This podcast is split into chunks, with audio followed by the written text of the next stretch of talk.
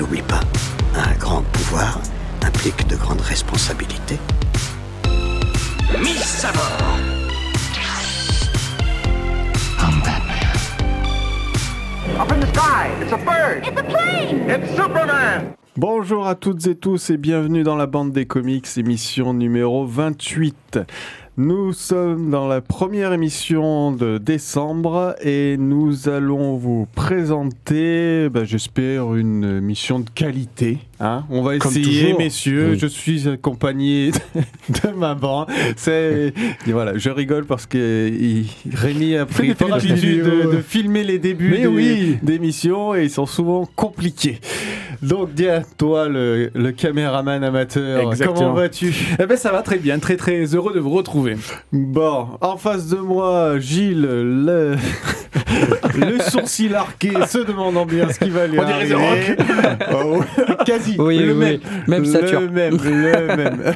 Ossature peut-être, mais le reste, on sait pas. Vas-tu bien, Gilles? Ouais, ça va super et toi? Et ah bah ça va. Et derrière, euh, caché, il s'isole. hein. On a essayé de lui mettre euh, que. Et il veut pas sortir. Non, voilà. Il veut jamais Non, sortir. non, et il veut pas que tu rentres non plus. C'est ça, non, ça aussi. donc Là, tu comment te fais taper C'est la faute au de la chronique. Exactement. Jay, comment vas-tu? Ça va très bien. Bon, ça Merci. va. Et, Et toi, notre serviteur, Ardé, content d'être là. Et on va essayer de faire une émission assez pointue. De qualité, de qualité. Voilà, assez pointus d'ailleurs, qui est un légionnaire romain, on va en reparler. D'accord. Euh, au sommaire, euh, vous l'aurez compris, on va parler d'Astérix. hein. Ça Ouais, va oui. être notre, euh, notre dossier du jour, bien sûr. On va revenir sur la dernière BD Iris Blanc, sortie début novembre.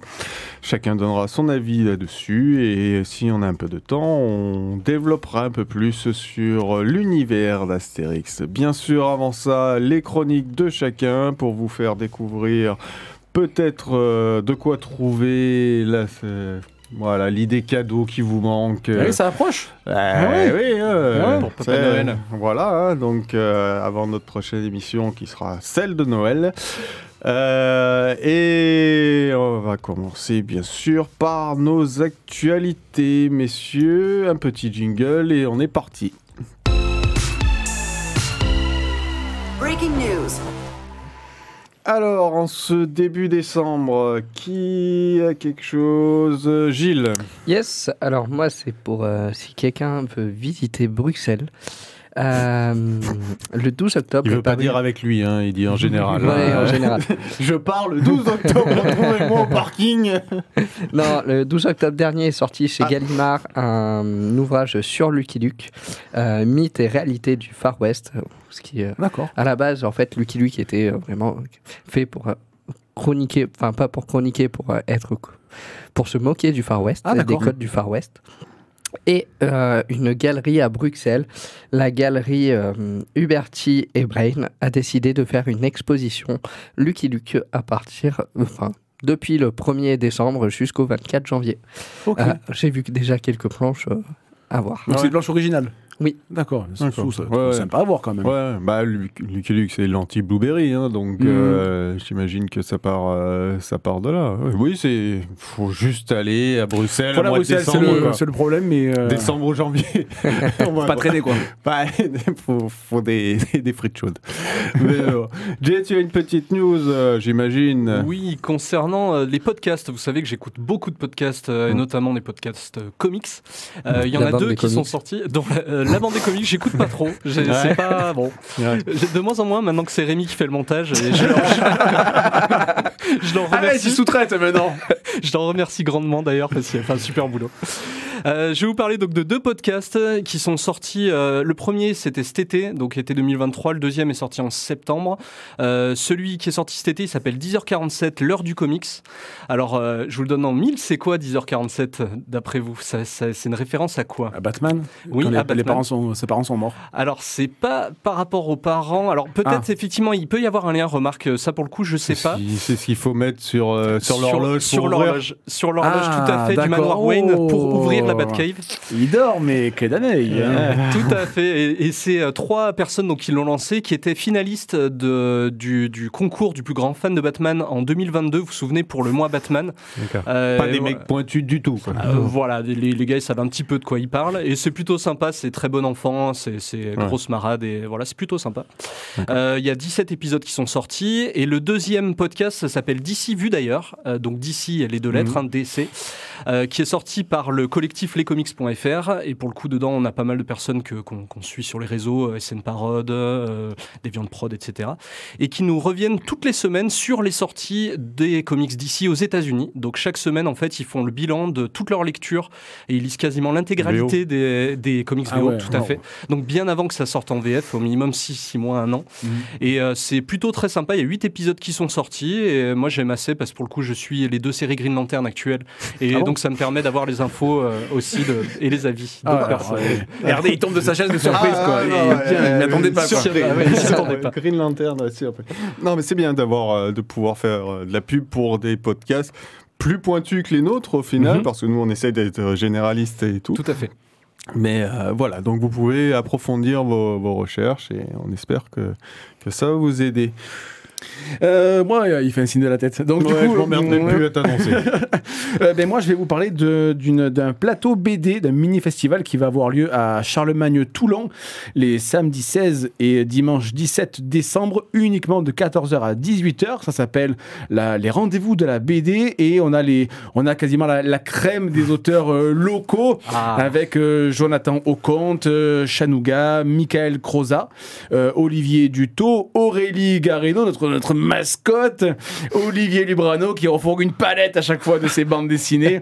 Et on a Sébastien Philippe et Serge Scotto. Donc voilà, un très beau plateau BD à l'approche de Noël. Encore une fois, on aura une, une émission dédiée, mais ça peut être une bonne idée. Et à noter aussi qu'il y aura une journée de la BD le samedi 16 euh, décembre avec euh, l'association autour de la, de la BD et Charlemagne la Seine. On n'a pas encore la programmation euh, finale, donc je ne peux pas vous dire quels artistes seront présents, mais à surveiller aussi, on relaiera les infos pour cette journée donc du samedi 16 à Charlemagne la Seine et le 16 et 17 à Charlemagne-Toulon. Très bien, donc à suivre euh, sur nos réseaux qui sont à la pointe. euh, Très actif. Exactement, très très actifs. Exactement.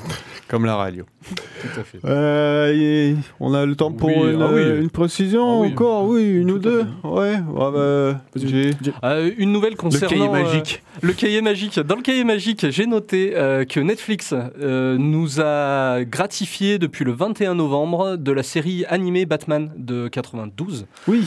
Ah. Donc, donc ça permet désormais de la visionner sur cette plateforme de streaming. D'animaté de série. Euh, Montrer- Voilà, voilà, Ouais, tout à fait.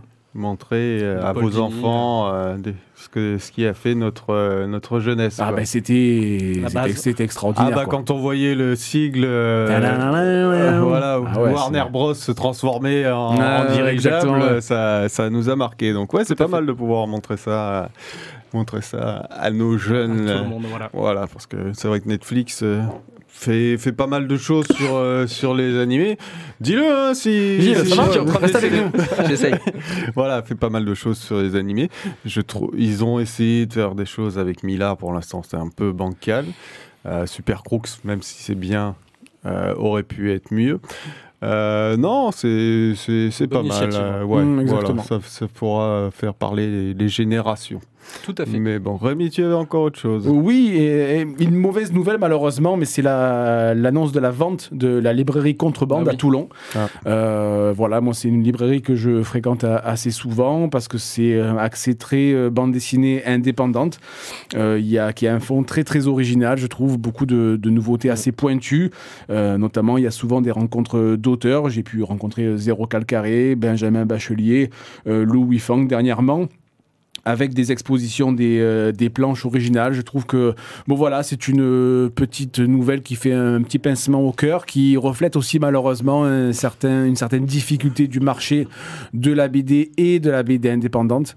Mais Localement euh, aussi. Voilà, donc euh, je voilà assez assez ben, voilà un peu attristé de cette de cette nouvelle. J'espère qu'il y aura une solution de, de, de reprise de la bande dessinée, enfin de, la- de la librairie pour qu'elle pour qu'elle perdure. Mais bon voilà, si vous étiez passé à côté de l'info, malheureusement. euh. Bah, Il y, a- il y a un Ouais, projet collaboratif hein, peut-être euh, qui, qui est en train Ouais, de de germer coopérative, euh, ouais, voilà, ouais. d'une coopérative pour reprendre cette. euh, C'est ce qu'on leur souhaite, hein, parce que bon, ça, Ça c'est- serait dommage, C'est euh, un monument, et puis Oui, surtout, il reste plus, plus grand chose pour trouver cette, euh, voilà, ce côté euh, C'est certes, indépendant. c'est certes un marché de niche, il faut, faut pas se voler la face, mais qui a son public.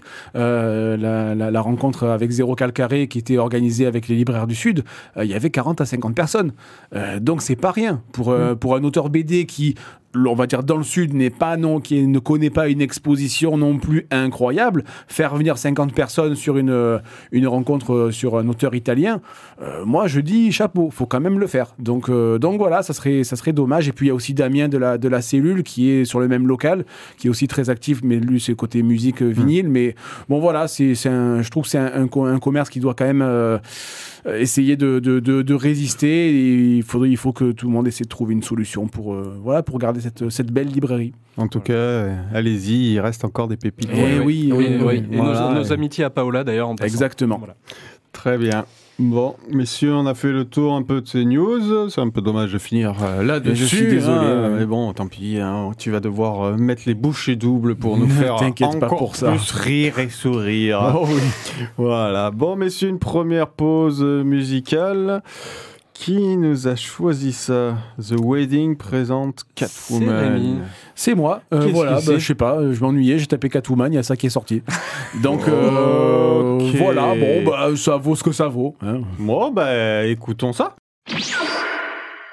Vous êtes de retour dans la bande des comics. On, on a été hétéroclite autant dans Ah nos oui, présentations de, de BD que dans nos goûts musicaux. Exactement. On l'a entendu. Bon, là, c'est Catwoman euh, qui. Pas en braquage, hein, plutôt Non, rond, Plutôt hein. tranquille, ouais. Voilà, plutôt rond. Donc c'était très bien pour ce, pour ce mois de décembre. Restez au chaud. On va attaquer les chroniques et bah, je vais, une fois n'est pas coutume, c'est moi qui vais commencer. vas commencer, Voilà. Alors j'avais envie de vous parler euh, de la BD Red. Voilà. Alors Red, vous, vous avez, bah, même pas. Euh, vous l'avez sûrement reconnu. Euh, c'est la BD qui a inspiré le film, c'est écrit en gros, donc je vais le réutiliser. Euh, donc le film avec Bruce Willis, euh, Morgan Freeman et euh, ah, aidez-moi John Oui. Malkovich. Merci. Voilà. Dit merci. aussi. Ah, merci.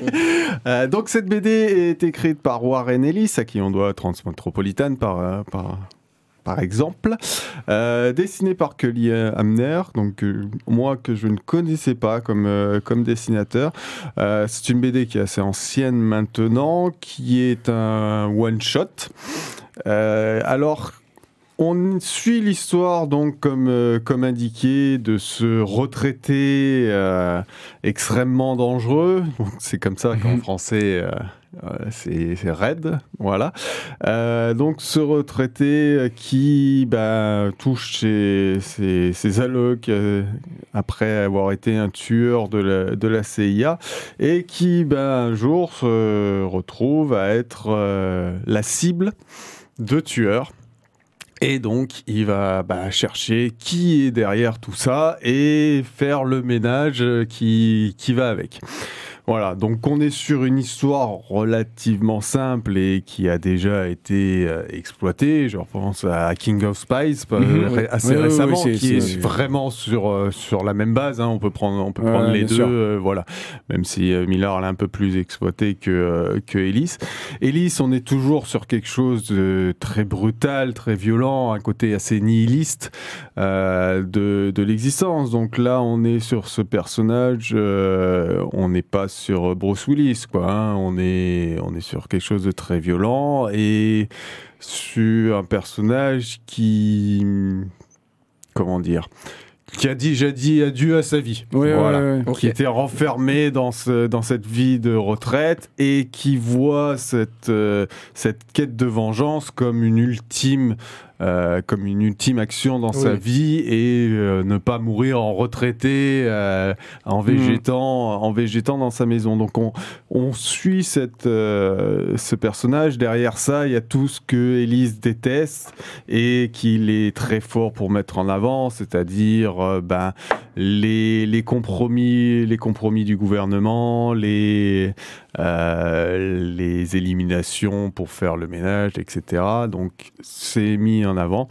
Et euh, il y a ce dessin donc de Cullen euh, qui est qui est particulier. Il faut il faut se faire une idée. C'est assez assez limité. Ouais, assez spécial. ouais.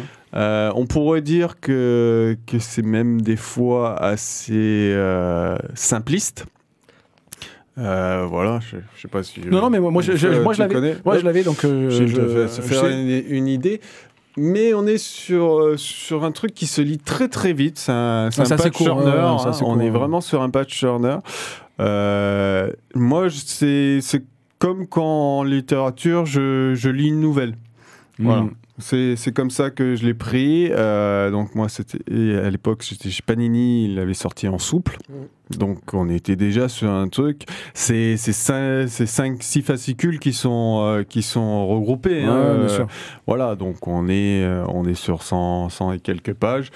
Donc voilà, donc quelque chose de vif, de nerveux, qui se lit très vite et qui qui vous passera un très bon après-midi euh, hivernal. Au coin du feu. Voilà, messieurs, à vous. Qui veut enchaîner? Ouais? Allez. Allez. Allez, moi je vais vous parler de Fable.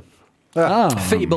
Euh, oui, bah oui. Ouais, Il y a un S, donc. euh, ouais, ouais. Euh, qui est donc un comics euh, édité chez Vertigo, qui est l'ancienne maison un petit peu euh, au souffle indé de chez DC Comics, Mhm. écrite par Bill Willingham qui- au scénario et dessinée majoritairement par Mark Buckingham et d'autres dessinateurs un petit peu plus anecdotiques.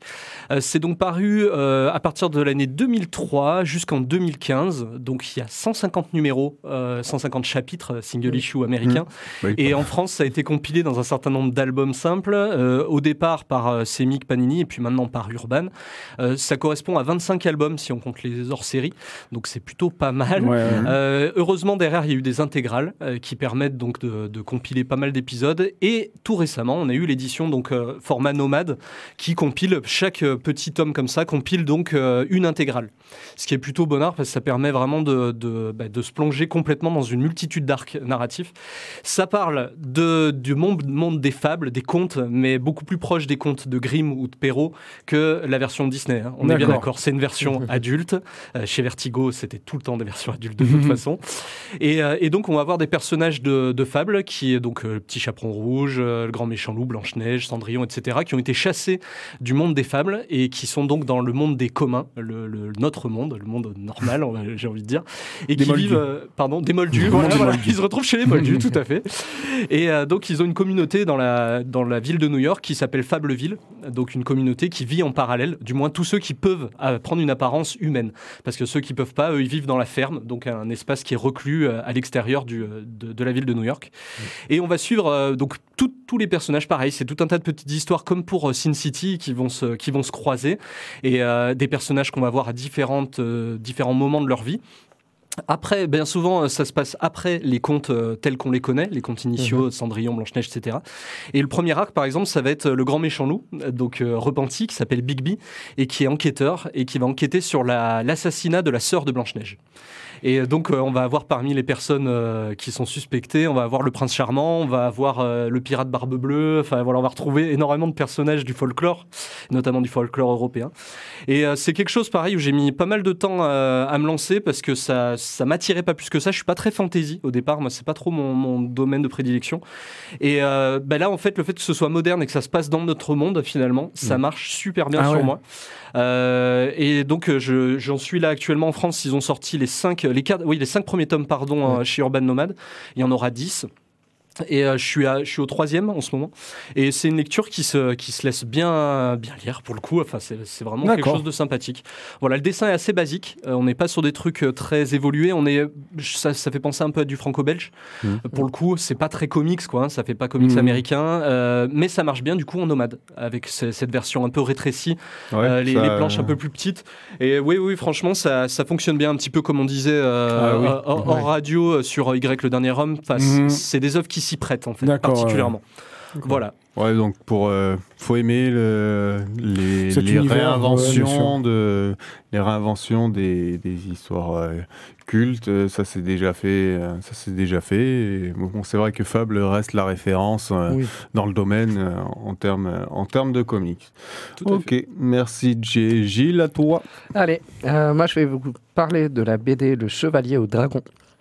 Euh, alors pour cette bande dessinée, l'histoire commence avec Emmanuel Arioli, euh, qui était chercheur euh, littéraire et qui a découvert à Paris un euh, bout de manuscrit où il était cité un chevalier au dragon qui faisait partie de la table ronde. Dans cette page du manuscrit, il ne- enfin, personne ne connaissait ce chevalier de la table ronde. Il a fait quelques recherches, aucun de ses collègues ne connaissait.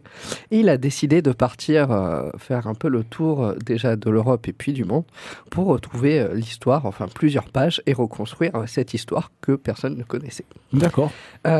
Et donc la bande dessinée part de cette histoire, de ce roman, de ce nouveau chevalier au, au dragon de la table ronde, avec toutes les, toutes les facettes que ça peut amener et toutes les redécouvertes qu'on peut euh, faire sur euh, la table ronde, sur le mythe arthurien, etc. J'ai pas du tout vu, pas du tout vu passer ce- cette sortie. Ah. Ouais. C'est c'est sorti chez qui? Euh, C'est chez Dargo. D'accord. Euh, T'as Emiliano Tangzillo qui est au dessin et Emmanuel Arioli, celui qui a fait la découverte, Ah qui ouais, est au non, scénario. connais pas. Donc on est sur du franco-belge euh, classique. Voilà, franco-belge classique.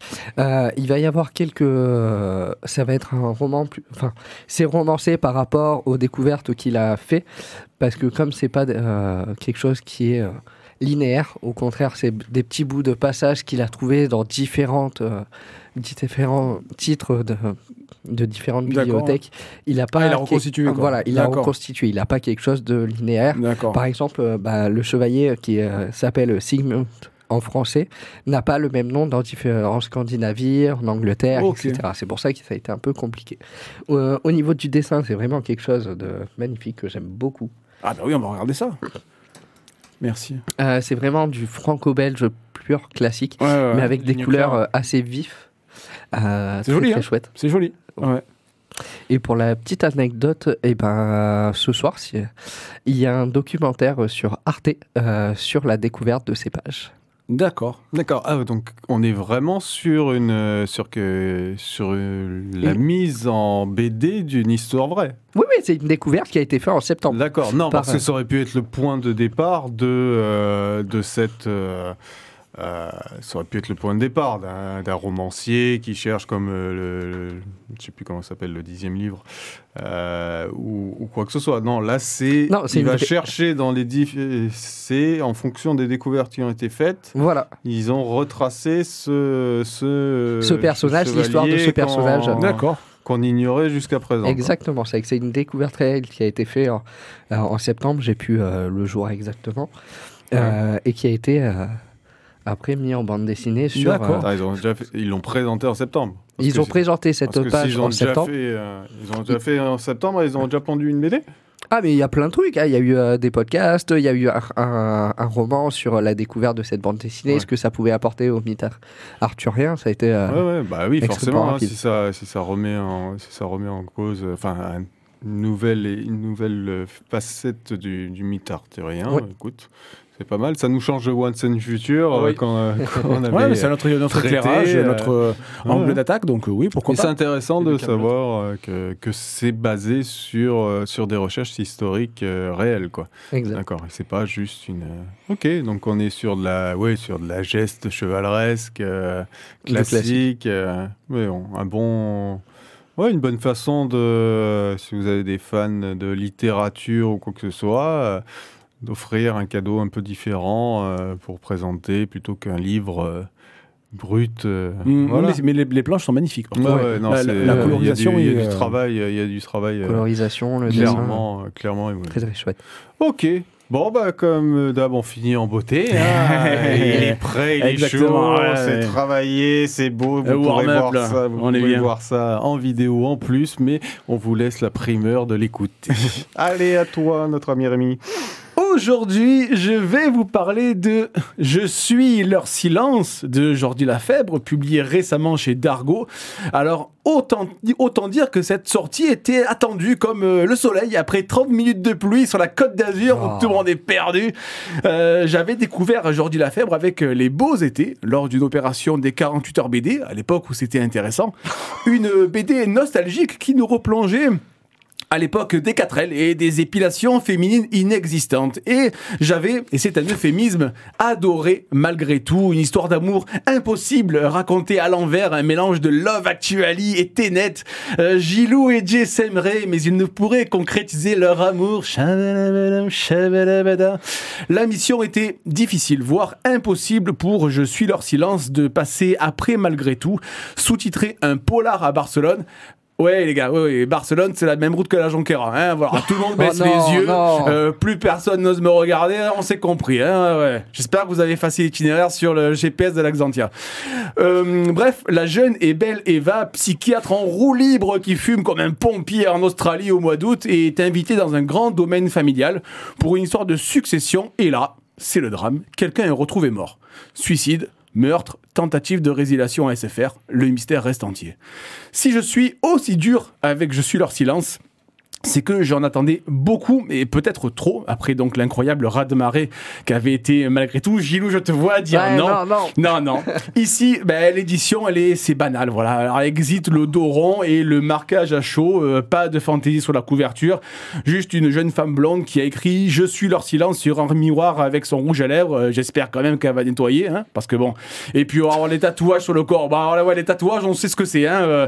Alors, euh, je me suis fait tatouer la mort parce qu'on va tous mourir. Euh, une boussole pour savoir où je vais dans la vie. Et la date de naissance de mes enfants pour pas oublier. Et un phénix parce que j'ai renaquis. Oh non, j'ai rené. Non, enfin bref, enfin le truc qui renaît de ses cendriers, quoi. Or, de même, le fait qu'Eva euh, voit euh, certaines de ses ancêtres décédées n'est pas plus exploité que ça. Ouf, c'est le Bangladesh qui va pouvoir souffler. Euh, J'attendais un thriller un peu plus psychologique qui joue un peu avec les nerfs du lecteur ou l'emmène sur des fausses pistes. Eh bien non, c'est bien, même sans plus, même si une deuxième lecture sera la bienvenue pour saisir les quelques phrases à double sens et autres clins d'œil. Eh ben, Ok. Voilà. Alors, tu vas nous le prêter histoire qu'on. Je vais vous le Ouais. prêter pour que vous fassiez votre idée, comme dit RD. Ouais, Mais euh, voilà, non, non, malgré tout, avait été incroyable. Et là, je trouve qu'il y a- il y, a beaucoup de pistes inexploitées, ce qui est dommage. J'avais lu une, une chronique, euh, alors c'est même plus dithyrambique à ce niveau-là, mais euh, je vous passe l'image que j'ai utilisée. Mais euh, voilà, non, non, il faut quand même garder les pieds sur terre. C'est bien. C'est pas non plus la BD de l'année. J'ai jeté un œil aux chiffres de vente. Et ça s'explique. Donc, c'est une petite déception pour ma part. D'accord. Je suis pas bah, d'accord. Écoute, euh, voilà. Bon, bah, ça sera. euh, pourquoi? Vas-y, profite. Très Non, vas-y, parce- une minute. Euh, parce que je trouve que bah, Jordi Lafèvre a fait du Jordi Lafèvre. Il s'est plus attaché aux émotions des personnages plutôt que ce que tu disais au, euh, au polar. Et euh, ce qui est intéressant, c'était vraiment son rapport à la psychologie et au psychologue, euh, ce qui met vraiment en avant à la fin. Après. Le meurtre, c'est juste pour, euh, pour amener quelque chose, pour avoir des rebondissements dans son, euh, dans son récit. Mais c'est pas sur ça qu'on doit centrer. C'est vraiment sur euh, sa relation avec les différents personnages, sur ses, les personnes qu'elle voit, sa grand-mère, sa tante, etc. Et les différentes facettes qu'on peut avoir avec les différentes personnes. Elle est psychologue au début, mais c'est quelqu'un qui est complètement en roue libre, comme tu le dis. Oui, oui, voilà, c'est Et ça. c'est ça qui est génial, c'est vraiment quelqu'un Eh ben, qui est... Moi, je trouve que ce qui m'a manqué, il m'a manqué un petit côté Fight Club. Un petit côté où, en fait, mais en fait, qui est-ce qu'elle est vraiment? Euh, et en fait, je me suis dit à la fin, tu vois, qui va nous cueillir en, en disant une, tu vois, comme le fait des fois Millard, tu vois, un- une, une ritournelle, tu vois, euh, psychologique. Je vais rester, tu vois, bête.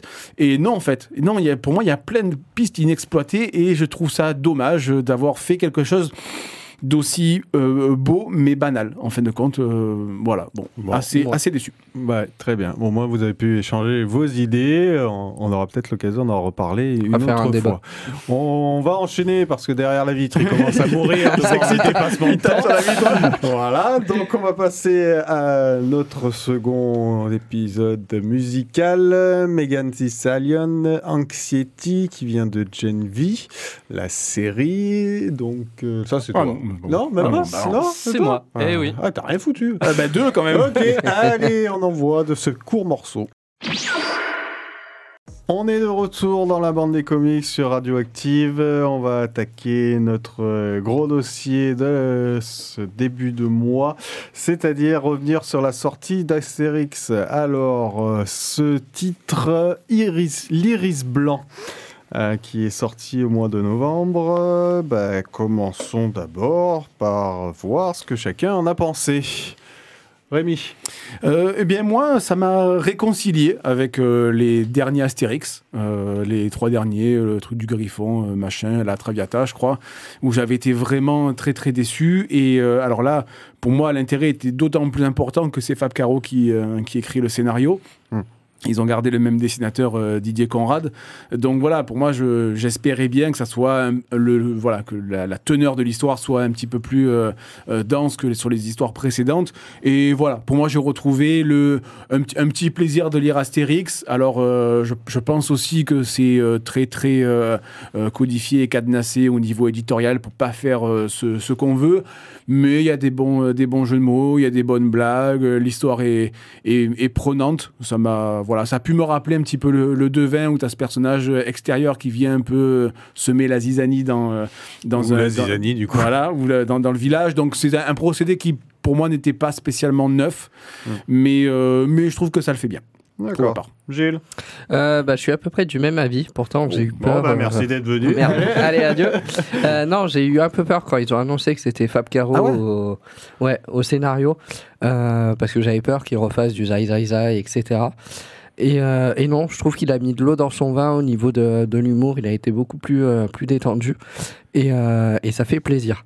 Euh, après, bon, euh, Conrad, il, fait, il a fait du Conrad au niveau du dessin, c'est normal. Oui, c'est- c'est rien ouais, a Il n'y a rien à d'extraordinaire. dire. Quoi. Il est dans la charte, quoi. Mais euh, non, vraiment très très chouette. D'accord. Ouais. Jay?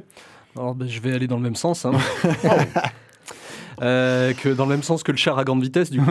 Euh, franchement, j'ai- je me suis régalé. Fab Caro, euh, je trouve, il apporte un souffle euh, qui, qui fait penser à Goscinny des débuts, euh, notamment de l'époque du, du Tour de Gaulle ou chez les Bretons, par exemple. Il y a, il y a, ça part dans tous les sens. Il y a toutes les cases. Il se passe quelque chose dans les textes, notamment les jeux de mots. dès la troisième case, j'étais déjà en train de pouffer en fait avec le jeu de mots sur Lego, les Lego et les couleurs. J'ai Mm. arrêté de jouer avec Lego. Enfin, il, il nous régale vraiment à travers ses tournures et l'absurde, euh, l'absurde est moins présent. C'est sûr que dans son œuvre de base, Fab Caro. Ah, ça, c'est obligé. C'est- Mais, mais il le distille quand même pas mal et surtout il nous fait une critique de la société actuelle qui est fantastique avec euh, ce- cette espèce d'injonction au bien-être. euh, Mm. voilà la pensée positive, euh, l'éducation des gamins, et il se régale avec ça, et tout, tout en tapant sur le gouvernement, l'histoire des, sesterces de dingue. Ouais. Enfin, Il y, a- il y a plein de trucs, c'est c'est toujours fin, et voilà. Moi, je me suis, j'ai passé un super moment, et ça faisait très longtemps que ça n'avait pas été le cas sur Astérix. D'accord. Bah écoutez, moi, je vais faire, un- je vais continuer le plébiscite. hein. Ouais. Il faut- voilà, on a retrouvé. J'ai bien aimé aussi retrouver ce, le côté euh, mordant et intelligent du personnage d'Astérix qu'on avait Ouais. perdu, je trouve, Ouais, ouais, euh, depuis depuis beaucoup beaucoup de, de de- d'exemplaires tomes voilà Ouais. pardon Euh, il y a hum, il y a oui ce retour des jeux de mots euh, et aussi, ce que j'ai apprécié, c'est ce, au niveau de la structure du scénario, le fait qu'il ait été divisé en deux parties, vraiment. On est une première partie dans le village et une seconde partie à Lutèce. Mm. Euh, c'est pas toujours, euh, toujours le cas, ou alors on a un déséquilibre qui, euh, avec les, les quelques pages pour un- introduire le truc, et après on part sur une aventure, ou Mhm. voilà. Mm. Là, on a relativement peu de déplacements. On n'est pas sur une aventure dans le type voyage. Euh, Ah, voilà. c'est pas la grande traversée. Quoi. Voilà, on n'est ouais, pas, sur, euh, on n'est pas sur le Tour de Gaulle, on n'est pas, Ouais. on n'est pas dans cette idée-là. Euh, après, c'est très bien, c'est que euh, pour la première fois, on voit Bonne Mine autant mis en, mise en avant. Euh, on a rarement eu des personnages féminins. Elles ont été le, le déclencheur. Je pense à Falbala, Oui. qui est voilà, qui est déclencheur une, euh, de, de plusieurs choses. Dans le, La Rose et le Glaive aussi. Voilà, il y a la- ce personnage qui, qui est la, assez important. La fille de Vercingétorix, qui, est Mhm. le qui est le dernier. Elles sont déclencheurs, mais pas forcément. euh, Personnage principal. Voilà. Alors que là, elle, est- elle est vraiment, elle est vraiment dans la mise euh, en truc. Et euh, bon, après, voilà, on a la défense de, de cette exception culturelle sur le, euh, sur le face à, aux lutesses, euh, aux lutesses guindées, ou du moins un peu bobo Oui. qui, qui veut être mis en avant. Après, ça va, et ça se rattrape sur la fin avec un certain équilibre en mettant que oui ça marche mais pas ça marcherait pas tout le Mm. temps et pas partout quoi donc voilà donc j'ai apprécié aussi que ça soit pas trop manichéen euh, manichéen là-dessus quoi mais oui non c'est un certain certain plébiscite Et euh, alors, euh, je pose la question à notre ami libraire. euh, en termes de vente, ça donne quoi? C'est un carton comme d'hab. Ah, Ne prends pas ton air blasé. C'est... Non, non, mais, Non, mais si la qualité est là, il faut, il faut quand même le, le- le souligner. C'est... Tu vois, compa- pour les libraires, enfin, pour moi, c'est un peu blason. Parce qu'il y a des titres qu'on met en avant, qu'on met des coups de cœur, qu'on galère à vendre. Le Astérix, euh, il est sorti le jeudi. Le samedi, j'en ai passé déjà 85 exemplaires. Ouais, ah mais oui. c'est transgénérationnel C'est, c'est ça, il y, a- il y a le prix qui l'explique aussi, Ah oui, c'est à 10 10,50 euros. euros. Oui, ouais. Moi, combien de fois j'ai vu des gens euh, enfin, le, le prendre presque, mm, tu vois, de manière euh, totalement euh, automatique. Donc, euh, et c'est un peu ce que, j'ai fait, mais Astérix, c'est quelque chose de tellement ancien qu'on connaît tous. Euh, je veux dire, comment, on- comment ça peut pas être un carton, quoi? C'est- Ouais. Mais tu vois, en- sur la même base, t'as toujours les Lucky Luke qui sortent, les Schtroumpfs qui sortent, et c'est pas le même carton. Bah, D'accord, ok, oui, ouais, ça, je- mais, mais après, ça tient aussi à, à- à- à l'univers Astérix Oui. qui est beaucoup plus développé que ne le sera jamais Lucky Luke. Il a- ils sont pas, on n'a pas un parc Lucky Luke. Hein. Oui. Mm. C'est vrai. Euh, T'entends parler du parc Astérix tous les ans à la télé à un moment ou à un Ouais. autre? T'as de Et la si pub, tu pars, t'as euh, les films, t'as de l'animation. euh. Si tu parles là-dessus, en contre-exemple, t'as le parc Spirou. C'est vrai.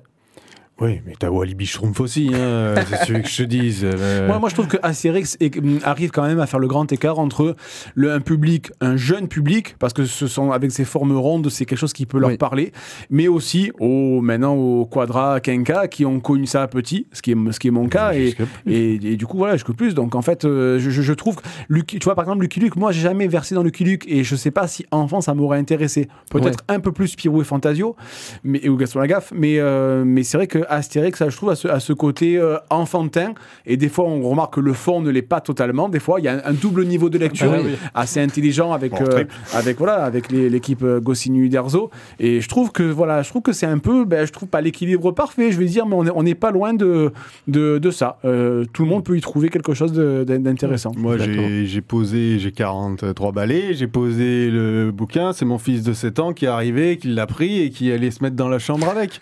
Oh. C'est c'est ça. Et après, tu viens lui expliquer, euh, tu viens lui expliquer les blagues, tu viens lui expliquer le principe du jeu de mots, et etc. Tu lui redis tous tous les noms à voix haute parce que Bah bah, oui, ils s'en oui, pas ça, ouais. forcément compte euh, du jeu de mots, etc. Et c'est cette transition qui se passe et c'est typiquement français. Voilà. Ouais. C'est il y a ça, il y a ça aussi, c'est que pour certains, Astérix reste aussi le- la défense du franchouillard.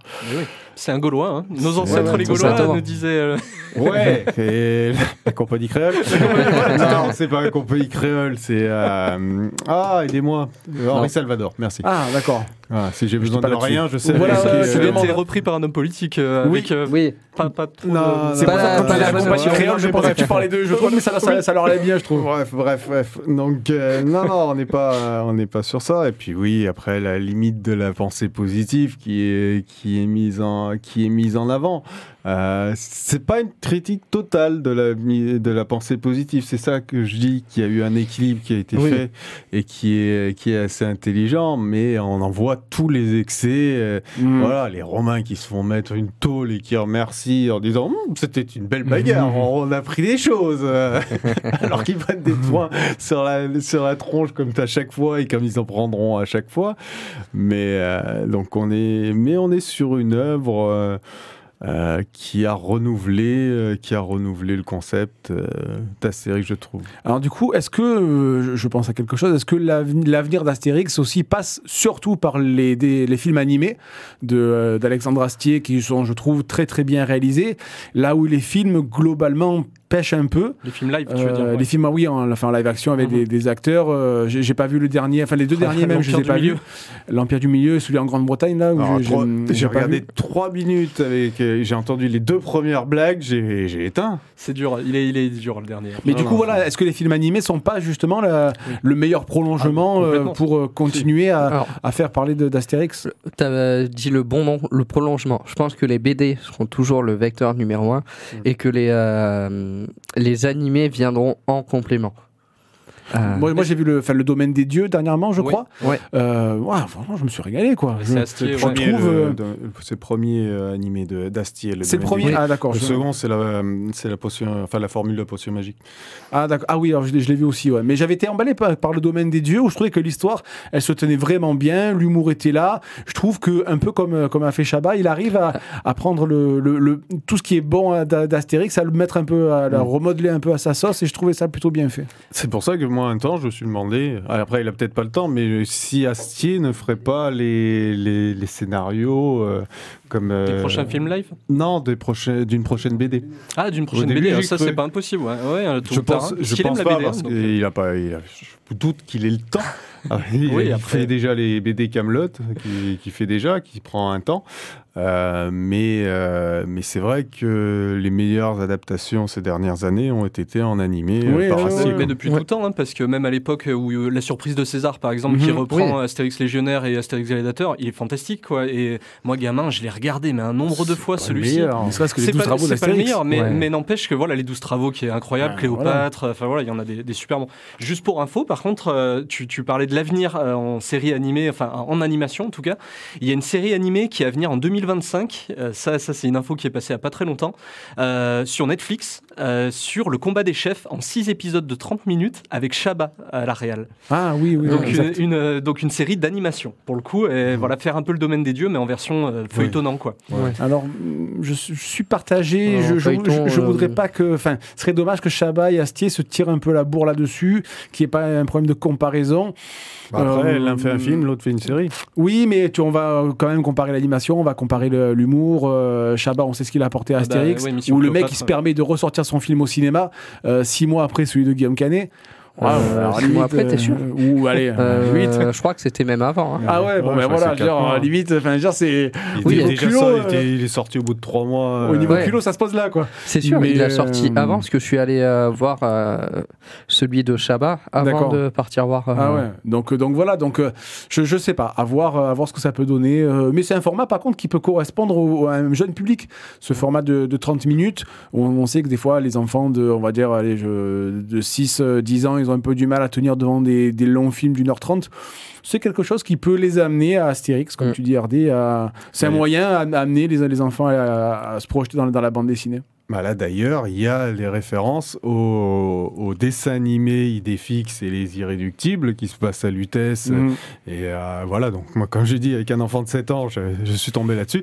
Et c'est vrai que voir les petits chiens qui sont là-dedans au deuxième plan dans deux cases, eh ben, tu, tu, fais, tu fais le lien aussi comme ça. Et moi, j'ai dit à mon fils, j'ai dit, tu reconnais cela Et Mhm. voilà, et lui, tout de suite, a enchaîné, ah oui, c'est Idéfix, etc. Ouais. etc. Donc, ils ont, ils ont retrouvé. Et il fait, il fait aussi le lien avec les précédents albums aussi, avec le frère Oui. de Bonne Mine. Oui. Euh, donc voilà, donc c'est vrai que alors, évidemment, il te met le petit astérisque en disant ben, ça, ça revient, ça renvoie à tel album. Mais ceux qui ont lu, euh, lu Astérix de manière assidue, ils disent ah bah oui, tiens, c'est le, c'est le frère de Ouais. Bonne Mine. Donc il, ça peut, on peut dire que c'est facile, mais mine de rien, ça c'est, bien fait, c'est bien, ça se déroule bien dans Et l'histoire. puis donc il est aussi dans ce, dans ce dessin animé aussi. Donc, D'accord. On le voit plusieurs fois dans ce dessin animé. Ah ouais, j'ai plus, plus souvenir. Donc, euh, donc non, mais il y a, il y a un gros, il y a un gros travail qui a été fait, je trouve, euh, sur sur cet album. On peut espérer que ça qu'il soit renouvelé dans l'expérience. Et ça, c'est la question. Je sais pas. Je, On sais- verra dans Ce deux sera ans. un one shot, je, je sais ouais. qu'il y a une interview Deux de. C'est à peu- C'est à peu près tous les deux ans les Astérix. Il y a une interview des auteurs sur YouTube, je crois. Je- on mettra le lien sur, les, euh, sur, sur la bande des comics. Et euh, voilà, qui, qui, euh, il- je n'ai pas, j'ai pas eu le temps de la regarder, mais voilà, est-ce que je sais pas si Fab Caro. euh, parce que d'un côté, c'est bien, ça amène une exposition à l'auteur. De l'autre côté, il faudrait pas qu'il se retrouve enfermé dans cette case et ne plus pouvoir faire ce qu'il fait à côté, ce que personnellement je préfère. Hmm. Mais voilà, c'est bien. À voir si c'est pas juste un petit. Euh, Un kiff, petit- euh, ouais, ouais, une petite Ouais. cerise, tu vois, une petite, euh, un one plaisir qui s'est fait, euh, et comme puis, et puis voilà, après on passe à autre chose. Je sais pas. Ouais, mais après, quel autre scénariste Lupano. pourrait. le- Lupano. Ah, j'ai cru que tu m'avais dit Lubrano. Oui, moi aussi. Non, non, non, non euh, Wilfried, Wilfried Lupano. Ok, ah ouais. je je le tiens d'un libraire de Charlemagne euh, Toulon, Olivier, je te salue, mais qui m'avait dit, lui, je le verrais parfaitement dans, dans Astérix. Donc, C'est vrai. Bah écoute, pour le prochain, s'ils ont pas, ils t'appellent et puis. euh, bah oui, euh, appelez-moi les gars. Appelez-moi. voilà, comme, euh, comme nous on fait. Exactement. Ouais. bon, bah écoutez, on a fait un peu le tour. euh, bon, on pourrait bien. en parler encore bien longtemps, Oh j'imagine, et développer euh, pas, mal, euh. pas mal de choses. Mais euh, déjà, Gilles sort Ah, ses, fiches cachées. Vous l'avez compris, on arrive au moment. Au climax. Voilà, du, du quiz de Gilles. Euh, pour revenir à Astérix, si vous avez des, des réflexions sur cet iris blanc, euh, n'hésitez pas à nous dire euh, ce que, vous avez, ce que vous en avez pensé. Ce serait une question qu'on va peut-être pouvoir poser sur les réseaux. Exactement. Parce que, comme l'a dit Gilles, il y a eu de la vente, donc pas mal de gens le... Pff, il en souffle. voilà, bon allez, un petit jingle et on passe au quiz. Une énigme pour Batman. La résoudras-tu? Allez Gilles, à toi la main. Allez, bah, je vous ai fait un petit quiz Astérix, Ah hein, bon puisqu'on est dans le thème. Ah, et t'as suivi le truc, toi. Eh. Euh, allez, c'est parti. Euh, quel navire prestigieux est dérobé par un équipage d'esclaves dans la galère d'Obélix? Le Titanic. Euh, Au hasard. France, C'est un navire phénicien Non, je sais plus. Non. le n'a pas d'hélice Ah, joli. Euh, C'est celui de, dans euh, Cléopâtre. D'accord. Le n'a pas d'hélice. Je sais pas. Euh, non. C'est la galère de César. Ah oui, Ah ah, oui, oui, d'accord. d'accord. Ah ouais, non. Euh, comment se nomme le doyen du village AG Canonix. Yes. Euh, qui est homéopathix C'est le frère de Bonne Mine. Yes. Oh, bien joué. Ah, Bah oui. Bien joué. De qui Falbala est-elle amoureuse? Du légionnaire? Tragicomics. Yes. Ah, enfin, oui, c'est d'accord. Ah non, pas du légionnaire, il est pas du Non, légionnaire non, du coup, non. non, non, d'accord. Euh, qui est Pépé? Plutôt Ah, c'est le fils, c'est le petit-fils espagnol. C'est le, le petit espagnol qui retient sa respiration. De, de soupe à l'oignon et crouton, et crouton là, non c'est Ouais, pas exact. Ouais. Le fils de soupe à l'oignon Icrouton. Ouais, mais oui, d'accord, j'avais J'avais confondre avec Mas- euh, euh, Katharina Bellacic. Ah, non. Fantastique. Non, Il fallait réviser là, oh, chaud. là. Ouais, ouais, je me suis amusé, là. Ouais, non, Pépé, ouais. Euh, comment s'appelle pardon. Ouais, j'ai cherché. Comment s'appelle la maman d'Astérix Ah vache. Ouais, elle est costaud celle-là. Je sais pas, aucune idée. On la voit quand déjà? On la voit pas souvent. Bon, espèce de. euh, les quelques BD bâtards Flashback, bâtards qui sont ouais. sortis là. Ah si, c'est quand- pas quand il... C'est Ouais, Praline. Praline? Yes. D'accord. Je j'aurais j'aurais pas, là, j'aurais- j'ai pas eu. De qui Gauturix est-il le neveu? Goudurix, c'est le... bras raccourcix euh, Yes. Le bras raccourcix, ouais. Euh, Quel romain est la caricature de Sean Connery Ah, 006. c'est- ah, Yes. L'espion, Ouais, ouais, ça. Avec la mouche. Donc la mouche, ouais.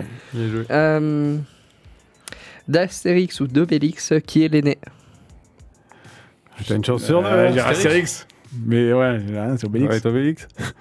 Eh ben, aucun des deux. Ils sont nés le même jour, à la même heure, à la même minute. D'accord, oh la Ah, roue, mais la j'ai- C'est dans quel album ça Ah, c'est pas quand il est tout petit là qu'il devient en. Ma foi. La galère d'Obélix Non? Tu crois? Ouais, quand il devient pas. en pierre ou un truc comme ça, non? La dernière? Eh bah oui. Comment se nomme le père d'Astérix?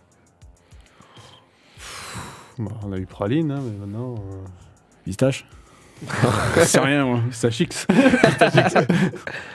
Pastix Non. Je sais pas.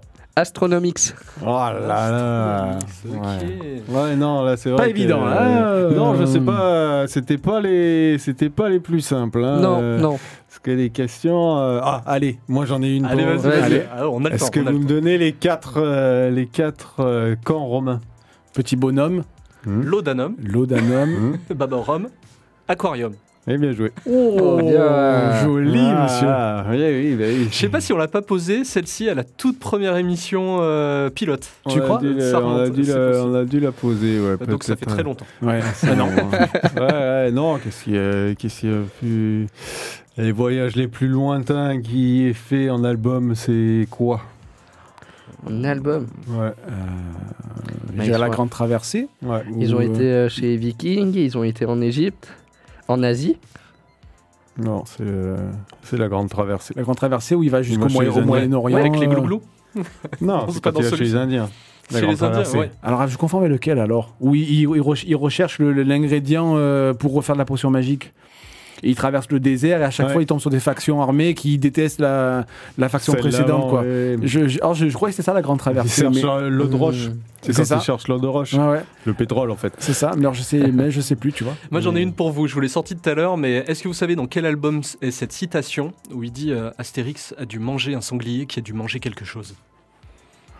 Dans quel alors là Ah, il mangeait un- Le 15e. Euh, Ça c'est bien. Je, vous aide un peu, je vous aide un peu, il est dans une épreuve particulière Aux et il n'y arrive pas, il n'est pas dans son état normal, il est Aux malade. Jeux Olympiques. Aux Jeux Olympiques, Eh ouais. tout à fait. Oui, si tu parles d'épreuve, c'est les Jeux Ouais, Olympiques. Elle est lourde la piste, elle est lourde. Ouais, ouais, ouais, Olympiques, aux Jeux Olympiques, ouais, c'est pas celui qui est le, le plus connu, mais. euh, Oui. Ah, il était culte chez moi, c'était vraiment un. un Ouais, plus- bah on ouais. en a tous Oui, un, euh, un qui est plus qu'on a plus lu que, que les autres. Mais, Euh, Ah, Moi, c'était à Zizani. Ah ouais? Ah oui. ouais. Ouais, je crois que si j'ai pas mal lu la le domaine des dieux. Pas, Ouais. mal, Ouais. pas mal lu aussi, c'est pour ça que j'ai beaucoup aimé quand la- l'adaptation a été faite. Euh, mais euh, oui, après, après c'est vrai que c'est générationnel, donc euh, c'est celui qui était le plus près de la... Euh, ouais, chez, chez papy ou chez papa. et- Mais moi, moi, moi, je me rappelle quand j'étais minot, à chaque anniversaire, j'avais du coup un, un Astérix. Donc c'était vraiment, c'était ma lecture que j'attendais, tu vois, euh, Ouais. avec, avec impatience. Quoi. Moi, j'ai une, une affection pour, euh, pour Astérix légionnaire. Oui. Parce qu'il re, il revisite plusieurs, euh, plusieurs pays. Et, euh, ou non, non, le Tour de Gaulle. Tour de Gaulle d'Astérix. Tour de ouais. Gaulle, il- il Parce que tu- on aperçoit Rému, euh, ils font la, il, Ah, il- il refait la euh, partie de il cartes. fait- Il fait, toutes Et- les spécialités et toutes les villes. euh, les euh, bêtises. Ouais, ouais, ouais, je trouve qu'il y a quelque chose de, ouais, de, de, dans, dans, dans cet album. Quoi. Oui, le but était de, était, était de croquer et de chaque, euh, chaque côté français. C'est ce que Mm. je te disais avec le côté franchouillard là-dessus. sûr, C'est que chacun a retrouvé sa région de là où il était pour, euh, avec le côté, euh, le côté drôle qui, qui allait avec. Donc, euh, non, voilà. Bon, bah écoutez, messieurs, Ah bah, on c'était bien. s'est bien amusé. Bah oui, c'était toujours bien avec. Astérix, hein, de Ah toute oui. façon. Retournons en enfance, tiens. Ouais. Exactement. On- De quoi passer un bon, un bon début décembre. Mm. Bon, bah, messieurs, on se retrouvera pour la prochaine. euh, bah, on fera un spécial Noël. hein. Ah je, oui, vois- oui. je ne vois que ça. Tout à fait. C'est la seule solution. Exactement. Bon, je vous remercie. Merci. Merci, Merci à, à toutes tous. et tous de nous avoir écoutés. On se retrouve euh, sur les réseaux, sur le site radio-actif.net, sur le 100 FM si vous êtes euh, en région toulonnaise. Et n'hésitez pas à faire des retours, on est très preneurs. Merci à toutes et Merci. tous. Au revoir. Merci à tous. salut